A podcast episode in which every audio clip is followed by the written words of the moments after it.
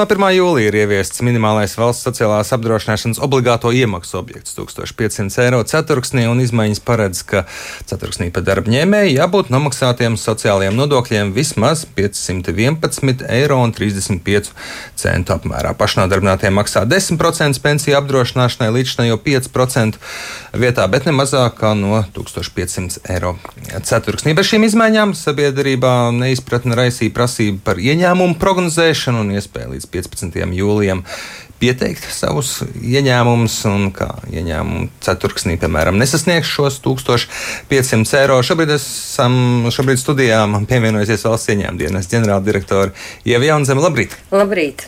Prognozēšanas termiņš ir garām, cik daudz cilvēku izmantoja šo iespēju un cik labi cilvēki vispār ir sapratuši izmaiņas un ko valsts ieņēmuma dienests un nodokļu izmaiņas no viņiem grib.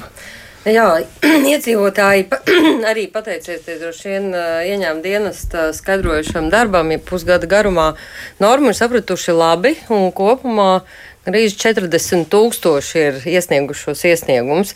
Tad faktiski gandrīz visi pašnodarbinātie lielākā daļa ir iesnieguši šādu veidu iesniegumu, ka, nes, ka nesasniegs ienākumi šo summu. Uh, Man, man gan reiz arī jāsaka, jā, ka, protams, ka šis uh, iesniegums, tas, tā, tā ir ziņa, ko mēs nododam sociālās apdrošināšanas aģentūrai. Runājot par attiecībām ar valsts ieņēmumu dienestu, vai jūs ieņēmumi ir 500, 600 vai 1500, viss, kas ir darāms attiecībās ar valsts ieņēmumu dienestu, ir darāms. Šos iesniegumus mēs nododam Valsts sociālās apdrošināšanas aģentūrai, un viņi nerēķinās šo starpību starp reālajiem ienākumiem un, faktis, e, un e, plānotajiem, bet vispārējās darbības ar nodokļu nomaksu tomēr ir jāveic, un tie, kas saņems mazāk kā 500 eiro mēnesī, šī 10% likme ir noteikti, 500 eiro mēnesī 10% likme ir noteikti, viņi ir maksājumi. Viņa tāpat no tās neizvuktu un Cik daudz cilvēkiem ir skaidrs, kas uh, notiks tajā gadījumā, ja tie 1500 es prognozēju, ka tev nebūs, bet viņi ir, uh, tad cilvēks vairāk samaksāt nekā ja viņš iepriekš, piemēram, uh, būtu prognozējis, ka jā, man šos 1500. Hmm. Es gribētu teikt to, ka būtu dīvaini, un es tiešām saku, būtu dīvaini, ja cilvēki, kuriem ir dot iespēju maksāt mazākus nodokļus, maksātu vairāk. Bet man uzreiz jāsaka, ka arī iepriekšējos periodos bija ļoti atbildīgi pašnodarbinātie, kas maksāja lielākas summas, un to apliecina arī dīkstāves pabalsti, jo bija pašnodarbinātie, kas saņēma maksimālos apmērus. Un kāpēc? Tāpēc, ka viņi bija maksājuši nevis no minimuma, bet no tās summas, ko viņi saņēma reāli vai pietuvināti tam. Tādēļ es, protams, varu cilvēciski saprast, jebkuru cilvēku, kuram saka, agrāk tu maksāji 10, tagad tu maksās 30 viņu nepat, nepatiku vai neapmierinātību, bet tai pašā laikā atbildīgākie un tie, kas domāja par nākotni, to ir darījuši jau visu savas dzīves garumā. Un es gribētu arī teikt, ka pašnodarbinātie dalās nu, vismaz divās daļās. Viena daļa ir tie, kas, ir, kas ar to nodarbojas profesionāli, tas ir viņu dzīvesveids, rēķini ir jāmaksā, bērnu skolā jāsūta. Viņi par to domā katru dienu. Un vēl ir daļa, kuriem tas ir Blakus, nu, jā, blakus kāda nodarbe, un tad, protams, ir cita situācija, jo nevelti ir ceturksnis, jo ceturksnī sanāk iekšā visi ienākumi, un tad arī tajā decembrī redzēs visus ienākumus, gan no pamatdarba, gan no pašnodarbinātības. Un ja viņi pārsniegs šīs summas, tad nekas jau nebūs jāpiemaksā. Tā kā vairāk ir stāsts par tiem, vai ir vērts turēt šādu hobiju līmeņa Eh, pašnodarbinātības veidu, jo vienmēr ir, protams, iespēja vai nu apturēt, vai arī izbeigt šādu veidu darbību, ja tas jums nenes reāli dzīvē, dzīves ienākums. Pēc jautājumiem valsts ieņēmuma dienestā es pieļauju, ka to bija gana daudz. Kas ir tie neskaidrākie jautājumi cilvēkiem, un vai vidi spēja visiem izskaidrot? Kā viņiem labāk rīkoties? Vai visbiežāk tika uzdot jautājumu, kā man labāk rīkoties? Piemēram, mikro uzņēmuma nodokļu gadījumā ir šis pārejas posms, tad mikro uzņēmuma nodoklis vēl pastāvēja, un tad uzņēmuma darbinieki prasīja, kā darīt labāk. Jo, kā mēs zinām, ar 1. jūliju ir jāmaksā pilna likme par darbiniekiem. Un tad bija jautājums, vai mēs paliekam šajā mikro uzņēmuma nodokļu statusā, vai mēs pārējām uz SIS statusu. Bet, manuprāt, visiem veiksmīgi izskaidrojām, Tie ir, viss jau ir matemātikā, uzņēmē darbība ir matemātika un plānošana. Tā nav māksla. Tas ir, tas ir Excel, kā tas saka, jā, tas ir Excel. Jā, tad ir jāņem pagājušā gada ienākumi, jāliek Excelī un jāskatās, kāds cipars tur galā sanāk. Un tad jau arī tā izvēle ir acīm redzama, vai tu paliec tajā vai citā režīmā. Daudz mikro uzņēmumu mainīja savus status? Jā, mainīja daudzi. Ja mēs runājam par darbiniekiem, gandrīz tuvojās 50%, bet, bet tā situācija bija tāda, ka pēc jau puse palika mikro uzņēmuma nodokļu statusā, un tur arī turpinās savu nodarbinātību. Protams, pilno ainu mēs varēsim redzēt tajā brīdī, kad būs šīs izmaiņas reāli stājušās spēkā, jo šobrīd ir tāds periods, kad it kā jau nekas nav šķietam mainījies. Uzņēmēji tāpat deklarē ienākumus, mēs viņus uzskaitam. Reāla aina varētu būt kaut kad uz oktobri, novembri, kā tad būs izvēlējušies savas nodarbinātības formas. Ne tikai uzņēmēji pašnodarbinātie, bet arī prezidents kritizēja šīs izmaiņas. Arī finanšu ministrs vienā brīdī atzina, ka nākotnē varētu sistēmu pielabot, piemēram, šo ienākumu prognozēšanu, likvidēt kā tādu. Kā jūs redzat, kas būtu jālabo, lai cilvēkiem būtu labāk saprotami, vienkāršāk? Es gribētu teikt, ka ja no vienkāršības viedokļa, tad problēma nav vienkāršībā, jo šobrīd arī tās atskaites pietiekami vienkārši. Vissarežģītākā tiešām bija mikro uzņēmuma nodokļu atskaita, kas šobrīd uh, arī ir minimizēta, ja, jo tā bija sarežģītākās. Pārējā ir, pārējās ir salīdzinoši vienkāršas. Un tas, ko teica finanšu ministrs, viņš teica to, ka Agrāk bija situācija, un arī klausītāja jautājums bija tieši tāds, kā tā lai es nomaksāju uzreiz to lielo summu. Tā prognozēšana jau ir principā domāta priekš tam, lai cilvēks var sadalīt savus maksājumus periodos, jo savādāk izveidos situācija, ka gada sākumā, nākošā gada sākumā ir liela summa maksājama.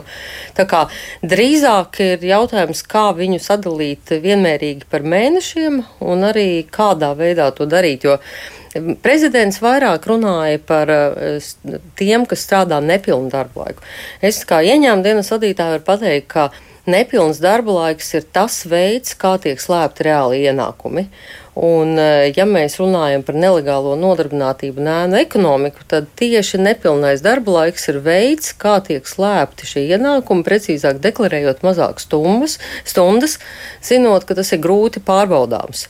Un tas, ko mēs šobrīd darām, mēs uh, analizējam, kuras tad ir īstās stundas, samazinātās, kuras nē. Bet man jāsaka, un meklēt, kur varētu būt klāt kādas aplokšanas. Uh, jā, tieši tā. Un, ja mēs skatāmies uz tiem izņēmumiem, kas ir minimālajām sociālajām iemaksām, tās grupas, kurām ir parasti saīsinātais. Tie ir izņēmumi. Viņām nav jāmaksā minimālās sociālās iemaksas gan studentiem, gan jaunajām māmiņām, gan invalīdiem. Tā kā principā tās grupas jau ir šobrīd atrunātas. Bet, ja man ir celtnieki, kas strādā, izrādās četras stundas, ja, un objekts ir miljonu vērtībā, tad atvainojiet, īsti kaut kas nav kārtībā. Valdībā joprojām nav pieņemta lēmuma par apgrozāmo līdzekļu un PVN atlaižu pagarinājumu no Covid cietušiem uzņēmumiem. Tā var kļūt par problēmu? Redzam to, ka ir, interesi ir mazinājusies. Ir tūkstošiem uzņēmēju, kas šobrīd arī plāno, ka viņi varētu pat atsaukt iesniegumus, jo, protams, ka tas ir zināms sloks arī pēc tam, jo tu esi zem lupas vēl ieņēma dienas, vēl piecus gadus. Un, ja var iztikt, tad var iztikt. Jā, šobrīd ir samazinājusies interese e, un būtiski samazinājusies. Es nedomāju, ka tā būtu liela problēma, jo mēs redzam, ka uzņēmumi atgriežas pie normālas saimnieciskās darbības. Kā vērtēt līdz šai atbalsta sniegšanu? Tā? Izdevās? Es gribētu teikt, ka ļoti labi izdevās. Es, katra, protams, esmu vairāk kārt aicināta arī izstāstīt, kā tas ir. Es neteiktu, kas ir brīnums, tas ir tas, ka komanda ir bijusi pietiekami sagatavota, lai uzņemtos pilnīgi jaunu funkciju, absolūti jaunu funkciju, ļoti īsos termiņos izmaksātu desmitiem tūkstošu atbalstus Kopumā mēs tagad lēšam vairāk kā miljardu apmērā. Tādēļ citās valstīs dibināja atsevišķas iestādes, ja ieņēmuma dienas uzņēmās to un izdarīja, manuprāt, pilnīgi godam. Cik bieži viņi prasa atmaksāt atpakaļ saņemto atbalstu? Šobrīd mums ir eh, tāda ļoti maz gadījuma, jo tie ieejas filtri ir no, nu, izlikti tādi, lai tas nenotiktu. Es teikšu, maz nav šobrīd. Un, protams, ka tad, kad sāksies pārbaudas, nu, kas mums ir obligāti jāveic atbilstoši Eiropas Savienības normatīviem aktiem par valsts atbalstu, tas drīzāk būs uz ruzēnas puses. Tad redzēsim, kas tur īsti ir. Un tajos gadījumos, kad ka tā ir. Tās ir tā kā, valsts ieņēmuma dienesta kaut kādas kļūdas vai cilvēku ļaunprātība jūs atklājat? Dažādi varbūt gadījumi, droši vien, kad mēs dosimies pārbaudēs, tur gan būs, neat... es uz gan arī droši, ka būs neatbilstības izlietošanā, jo to mums arī lietojuši kolēģi, kas pārbauda jau tagad, saka, ka tā ir. Un, nu, Es domāju, ka mūsu kļūdu tur nebūs, jo mēs tiešām esam piestrādājuši pie pārbaudas mehānismu skrupulozi. Nevelti reizē mēs paņemam ilgāku termiņu pārbaudē, lai nebūtu tādas situācijas. Esam guvuši mācības un pieredzes. Jā, nevajadzētu daudz. Jo rēķinamies, tas arī ir mūsu, mums netipiska funkcija, jo mēs tomēr vēlētos atgriezties pie savām pamatlietām, pie nodokļu administrēšanas, ko mēs jau reāli pusotru gadu darām minimāli. Jā, no 5. augusta stāsies spēkā grozījuma likumā par nodokļiem nodevām, kuri dos uh, valsts ieņēmuma dienestam tiesības informēt sabiedrību par nozīmīgiem pieņemtiem lēmumiem. Izmaiņas, ko valsts ieņēmuma dienests uh, vēlējās jau gadus, divus šķiet pavisam droši. Uh, ko šī iespēja dos, ko sabiedrība uzzinās un kā tas praktiski būs noderīgi? Jā, es varu teikt, kad es atnācu vadīt ieņēmumu dienestu, es biju ļoti pārsteigta, ka ir iestāde, kura vispār nevar stāstīt par to, kādas lēmumus pieņem. Tam pretī mēs saņemam to, ka kas tik vien nenotiek, mēs esam kā, kādi tur nepareizi lēmumi. Šajā gadījumā, ko tas dos, pirmkārt, varēs katrs iedzīvotājs ieiet mājaslapā un ieraudzīt, par ko tad mēs lemjam kādi ir tie gadījumi, kā nevajadzētu darīt, jo tagad arī es nevaru izskaidrot, ne jūsu pārkāpums varētu būt tāds. Es lūdzu, paskatieties, Sijā X jau tā darīja, un tā nav pareizi. Praktiskais labums ļoti konkrēts. Var jebkurš, nevis kāds jurists, advokāts, viņi, protams, labāk ziņo, viņi redz vairāk, var redzēt, par ko tad parasti ieņem dienas sodu. Un uh, mēs arī varam iziet uz atklātu retoriku ar to personu, kura, jo parasti žurnālisti mums zvana, nu izstāstiet, ko tad tas jā, abolīts. Jā, abolīts sūdz mēdījiem, ka valsts ieņem dienas viņus macēnos. Jā, un, ne, un valsts ieņem dienas jums atbild, ko, ziniet, likums man tāds un tāds aizliedz izpaust jau kādu informāciju, ko viņš dara. Tagad man nebūs vairs šādi vārdi jāsaka, tā mēs izstāstīsim par sijā abolīti tik tālu, cik tas ir iespējams. Jo, protams, paliks komerci informācija, ko mēs nestāstīsim, bet tam mēs varēsim izstāstīt, ko tad viņš īsti ir izdarījis, un sabiedrība no abām pusēm saņemot informāciju varēja saprast, vai tas bija pamatoti vai tas nebija. Tā kā pie tam arī varēs salīdzināt uzņēmumi to, man bija tāds lēmums, viņam bija tāds, kāpēc. Un atklātība vienmēr nāk pa labu.